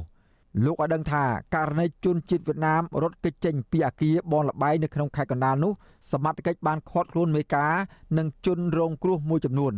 លោកថានៅខេត្តបរសេនុក៏ដូចគ្នាដែរសមត្ថកិច្ចកំពុងតែត្រួតពិនិត្យលើការស្នាក់នៅរបស់ជនបរទេសទាំងនោះ ហើយមានអ្នកខ្លះបានអះអាងថាខ្លួនជាជនរងគ្រោះដែលសមត្ថកិច្ចពិនិត្យជាក់ស្ដែង គឺមានជនជាតិអាមេរិកខ្មែរអាមេរិកាំងនិងជនជាតិឥណ្ឌូនេស៊ីជាដើមស្ថានភាពខ្លះมันពិតទាំងស្រុងទេប៉ុន្តែខ្លះក៏ពិតឲ្យយើងសង្គ្រោះព្រោះបេសកកម្មរបស់យើង ទី1យើងសង្គ្រោះជនរងគ្រោះហើយទី2គឺយើងចាប់មេខ្លោងពាក់ព័ន្ធដើម្បីយករំទាទោសតាមប្រតិបត្តិលោកសខេងបញ្ជាក់ទៀតថាចំពោះអ្នកដែលហែលទឹកទៅប្រទេសវៀតណាមនោះ ប្រហែលជាពួកគេមកធ្វើការដោយខុសច្បាប់នៅកម្ពុជាក៏ប៉ុន្តែពេលមកដល់ជជែកមិនត្រូវរូវគ្នាលើកិច្ចសន្យាការងារក៏នាំគ្នារត់ចេញទៅវិញដោយហាលឆ្លងព្រែកទៅខាងប្រទេសវៀតណាមវិញជុំវិញរឿងនេះដែរអ្នកនាំពាក្យសមាគមការពារសិទ្ធិមនុស្សអាត6លោកសឹងសានករណាមានប្រសាសន៍ថា ករណីជនជាតិវៀតណាមរត់គេចខ្លួនពីអាគារបនលបែងនៅកម្ពុជានេះអាជ្ញាធរកម្ពុជាគួរតែមានការសិក្សាឲ្យបានស៊ីជម្រៅជាពិសេសត្រូវជជែកពិភាក្សាជាមួយនឹងជនជាតិវៀតណាមទាំងនោះដើម្បីរកឲ្យឃើញបញ្ហាពិតប្រាកដដើម្បីអនុវត្តការងារឲ្យមានប្រសិទ្ធភាព លោកលើកឡើងទៀតថាសារព័ត៌មានអន្តរជាតិធំធំបានផ្សព្វផ្សាយជាបន្តបន្ទាប់អំពីករណីជនបរទេសរាប់រយនាក់ត្រូវបានក្រុមជនឆបោកចាប់បង្ខាំងឲ្យធ្វើការងារខុសច្បាប់នៅកម្ពុជាលោកថាបញ្ហានេះបើអាជ្ញាធរនៅតែបន្តបដិសេធដោយគ្មានការស៊ើបអង្កេតជាមុននោះទេនឹងធ្វើឲ្យប៉ះពាល់ដល់មុខមាត់ប្រទេសជាតិ និងធ្វើឲ្យអ្នកវិនិយោគល្អៗនៅកម្ពុជាមានការព្រួយបារម្ភអំពីបញ្ហាសុវត្ថិភាពបន្ថែមទៀតខ្ញុំជឿជាក់ថាសារព័ត៌មានទាំងអស់នោះគេគ្មានហេតុផលអ្វីទៅប្រឌិតព័ត៌មានដើម្បីឲ្យប៉ះពាល់មុខមាត់របស់ប្រទេសកម្ពុជានោះទេបើសិនជាមិនមានករណីបែបនេះកើតឡើងអញ្ចឹងសមត្ថកិច្ចគប្បីមានការបើកការស្រាវជ្រាវឲ្យបានល្អិតល្អន់ហើយបើរកឃើញហើយនឹងគួរតែមានការទប់ស្កាត់និងចាត់វិធានការទៅលើជនទាំងអស់នោះឲ្យខ្លាំងក្លាដើម្បីបង្ហាញទៅសហគមន៍អន្តរជាតិថារដ្ឋាភិបាលកម្ពុជាមិនបាននៅស្ងៀមចំពោះអំពើបង្ខាំងមនុស្សឬក៏អំពើធ្វើទុកបុកម្នេញទៅលើមនុស្សគ្រប់ជាតិសាសន៍ដែលមកកម្ពុជាបែបនឹងទេស្ថាប័នសារព័ត៌មានអន្តរជាតិល្បីៗមួយចំនួនបន្តរាយការណ៍ជាបន្តបន្ទាប់អំពីប្រតិបត្តិការអាជីវកម្មបែបឧក្រិដ្ឋកម្មពាក់ព័ន្ធនឹងការជួញដូរមនុស្សនៅកម្ពុជាស្ថាប័នសារព័ត៌មានអន្តរជាតិមួយចំនួនក៏បានលាតត្រដាងថាអាជីវកម្មទាំងនោះ ភ ieck ច្រើនកំពុងគ្រប់គ្រងដោយក្រុមហ៊ុនចិន និងបានខົບខិតគ្នាជាមួយនឹងបុគ្គលមានលុយមានអំណាច ដែលមានឥទ្ធិពលក្នុងជួររដ្ឋាភិបាលរបស់លោកហ៊ុនសែនកំពុងប្រតិបត្តិការចាប់បង្ខាំងមនុស្សបង្ខំឲ្យធ្វើការងារជាទាសករតាមប្រព័ន្ធអ៊ីនធឺណិតទោះយ៉ាងណាទន្ទឹមនឹងមានការរកឃើញករណីបែបនេះមន្ត្រីជាន់ខ្ពស់រដ្ឋាភិបាលមួយចំនួនក៏បានចេញមុខប្រតិកម្មថា ប្រព័ន្ធផ្សព្វផ្សាយរបស់ស្ថាប័នសារព័ត៌មានអន្តរជាតិទាំងនោះជាយុទ្ធនាការរបស់ក្រុមបកប្រឆាំងទៅវិញខ្ញុំបាទសេកបណ្ឌិតវិទ្យុអាស៊ីសេរីពីរដ្ឋធានីវ៉ាស៊ីនតោន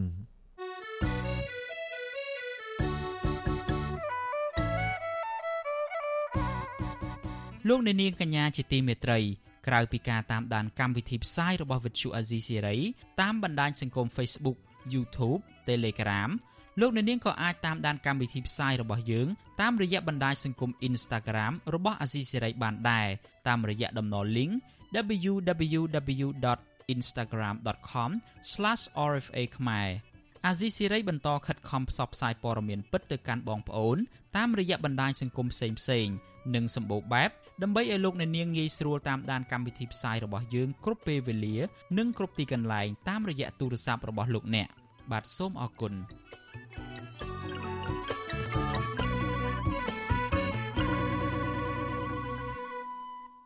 បាទលោកអ្នកនាងជាទីមេត្រីយើងងាកទៅបញ្ហាជីវភាពរបស់ប្រជាពលរដ្ឋវិញកសិករចិញ្ចឹមជ្រូកនៅខេត្តបៃលិនត្អូញត្អែពីតម្លៃជ្រូករស់ចុះថោកលក់មិនបានប្រាក់កម្រៃដោះស្រាយជីវភាពគ្រួសារ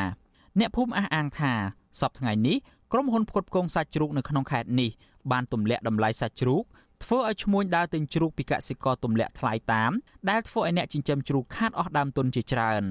អ្នកខ្លំមើលផ្នែកកសិកម្មយល់ថារដ្ឋាភិបាលគួរតែប្រញាប់ដោះស្រាយបញ្ហានេះជាបន្ទាន់ដើម្បីសម្រួលដល់ជីវភាពរស់នៅរបស់ប្រជាពលរដ្ឋបាទលោកមានរិទ្ធសូមជូនសេចក្តីរាយការណ៍នេះពិស្ដាកសិករចិញ្ចឹមជ្រូកនៅខេត្តបៃលិនរិះគន់ថារដ្ឋាភិបាលលោកហ៊ុនសែន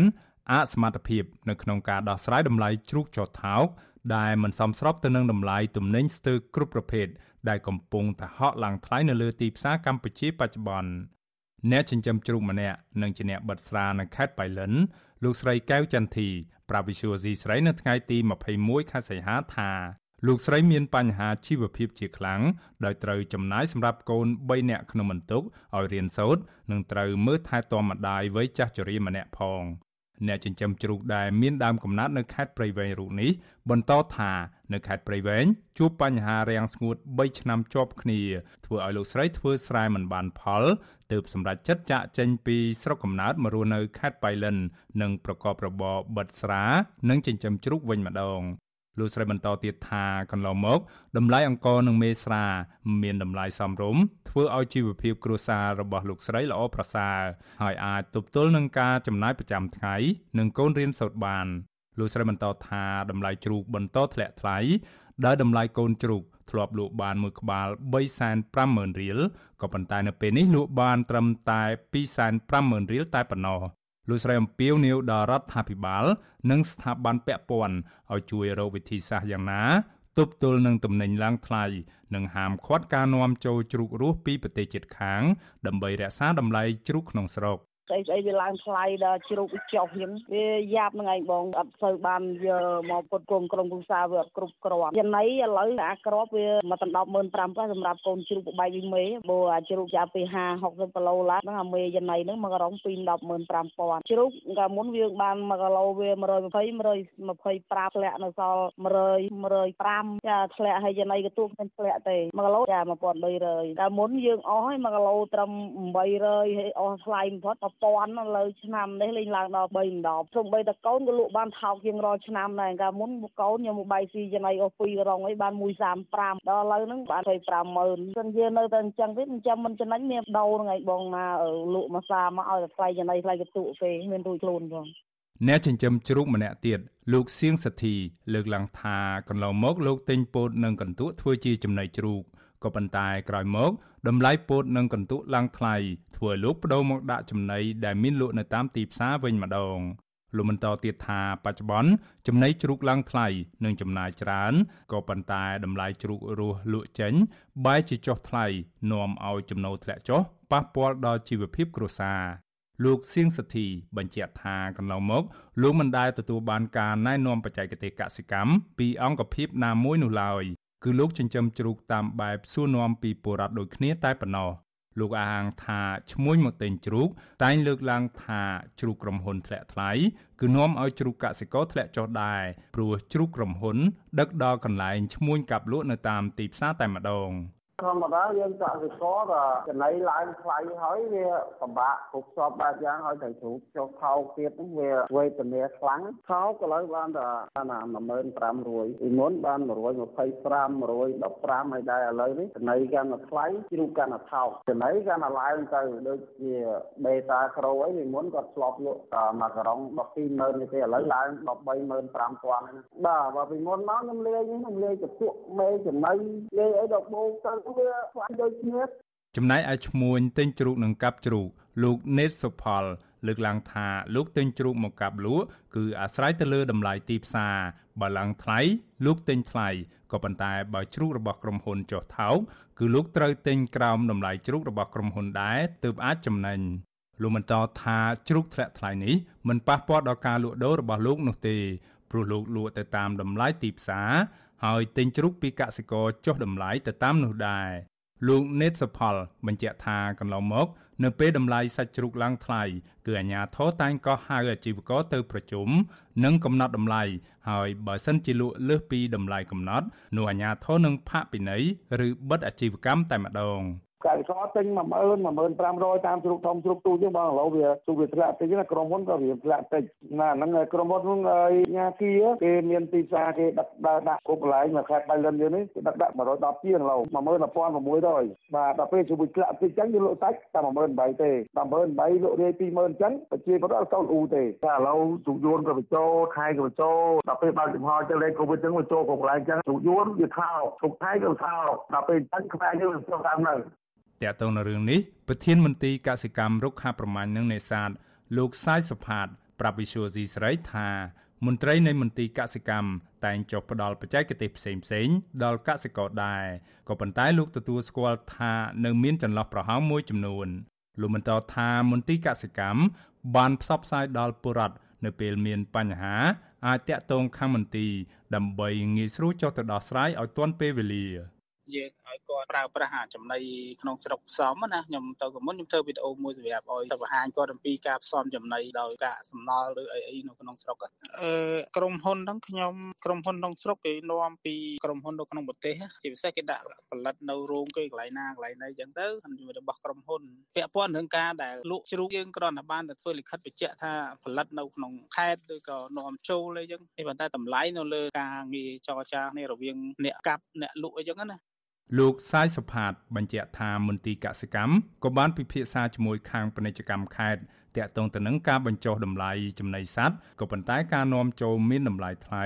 ធ្វើឲ្យតម្លៃចំណីជ្រូកឡើងថ្លៃដែរជុំវិញរឿងនេះប្រធានសមាគមសម្ព័ន្ធសហគមន៍កសិករកម្ពុជា លោកថេងសាវឿនយល់ថាការធ្លាក់ថ្លៃជ្រូកនឹងធ្វើឲ្យប៉ះពាល់ដល់ខ្សែចង្វាក់ផលិតកម្មនៅក្នុងការចិញ្ចឹមជ្រូកនៅខេត្តបៃលិន និងនៅទូទាំងប្រទេសកម្ពុជា លោកបន្តថាអាញាធិបពព័ន្ធនិងសមាគមអ្នកចិញ្ចឹមជ្រូកគួរតែស្វែងរកដំណោះស្រាយនិងរកទីផ្សារលក់ជ្រូកក្នុងតម្លៃសមរម្យលោកបន្តទៀតថាលំហូរជ្រូកនាំចូលពីក្រៅប្រទេសធ្វើឲ្យប៉ះពាល់ដល់ជ្រូកកសិករនៅក្នុងស្រុក និងប្រឈមទៅនឹងការបោះបង់ការចិញ្ចឹមជ្រូកហើយនាំឲ្យកម្ពុជាត្រូវទិញសាច់ជ្រូកពីប្រទេសជិតខាងមន្ទីរកសិកម្មក្រសួងកសិកម្មជាអាជ្ញាធររដ្ឋាភិបាលពាក់ព័ន្ធត្រូវតែជួយយ៉ាងម៉េចដោះស្រាយបញ្ហារបស់បុគ្គលចំពោះមុខដោយភ្លាមភ្លាមមិនត្រូវរងចាំយូរទេដើម្បីធានាអំពីជីវភាពក៏ដូចធ្វើយ៉ាងម៉េចកុំឲ្យគាត់បោះបង់ចោលនៅការចិញ្ចឹមជ្រូកនេះហើយយើងអំពាវនាវឲ្យក្រសួងត្រូវតែគិតគូរអំពីបញ្ហាទាំងអស់ហ្នឹង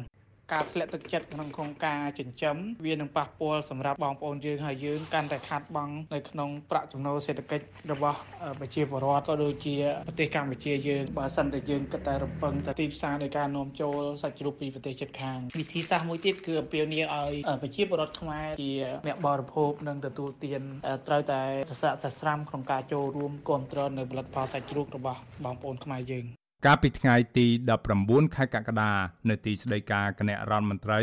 ប្រតិភូរាជរដ្ឋាភិបាលទទួលបន្ទុកជាអគ្គនាយកនៃអគ្គនាយកដ្ឋានសុខភាពសត្វនិងផលិតកម្មសត្វលោកតាន់ផាន់ណារ៉ាបានថ្លែងថាក្រសួងកសិកម្មមិនបានអនុញ្ញាតឲ្យនាំចូលជ្រូកពីប្រទេសវៀតណាមអស់រយៈពេលជិត9ខែមកហើយហើយលោកថាកម្ពុជាអាចផ្គត់ផ្គង់ជ្រូកគ្រប់គ្រាន់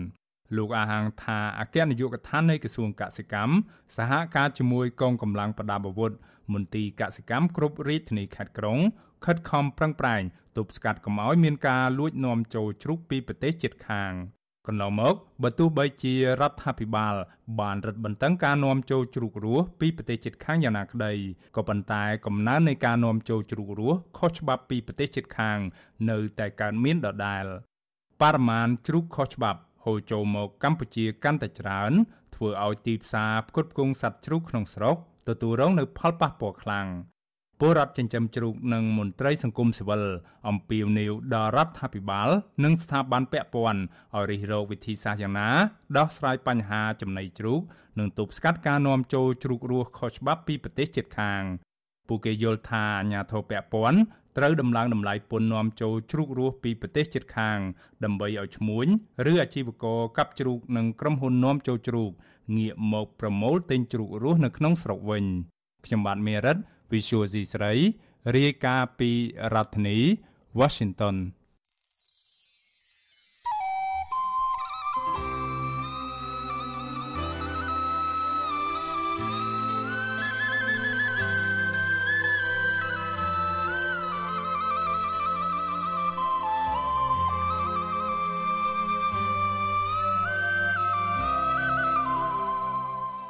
លោកអ្នកនាងជាទីមេត្រីការផ្សាយរយៈពេល1ម៉ោងរបស់វិទ្យុអាស៊ីសេរីនៅព្រឹកនេះចប់ត្រឹមតែប៉ុណ្ណេះយើងខ្ញុំសូមជូនពរដល់លោកអ្នកនាងព្រមទាំងក្រុមគ្រួសារទាំងអស់ឲ្យជួបប្រកបតែនឹងសេចក្តីសុខចម្រើនរុងរឿងកុំបីឃ្លៀងឃ្លាតឡើយខ្ញុំបាទយ៉ងច័ន្ទដារាព្រមទាំងក្រុមការងារទាំងអស់នៃវិទ្យុអាស៊ីសេរីសូមអរគុណនិងសូមជម្រាបលា